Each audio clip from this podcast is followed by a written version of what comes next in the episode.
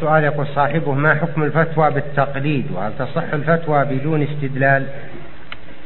لا يجوز ذلك بل لابد من الاستدلال والنظر في الأدلة. اللهم إلا في وقت لا يوجد فيه مجتهد. فقد ذكر العلماء جواز التقليد الضرورة. إذا كان في مكان أو في قرية أو في مكان لا يتمكن فيه من العلماء ولا يوجد فيه عالم إلا عالم بمذهب فلان مذهب أبي حنيفة مذهب مالك مذهب أحمد فيفتيهم على ما فهم وليس عنده قدرة على معرفة الدليل. هذا قد يجوز فيما قاله بعض أهل العلم ولكن مهما أمكنه أن ينظر ومهما أمكنه أن يتحرى الحق بالدليل هذا هو الواجب عليه.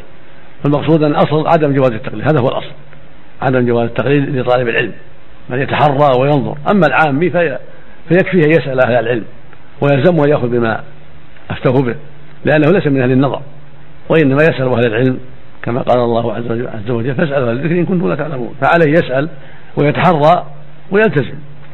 أما طالب العلم فالواجب عليه يتحرى أدلة وألا يرضى لنفسه بالتقليد مهما أمكن.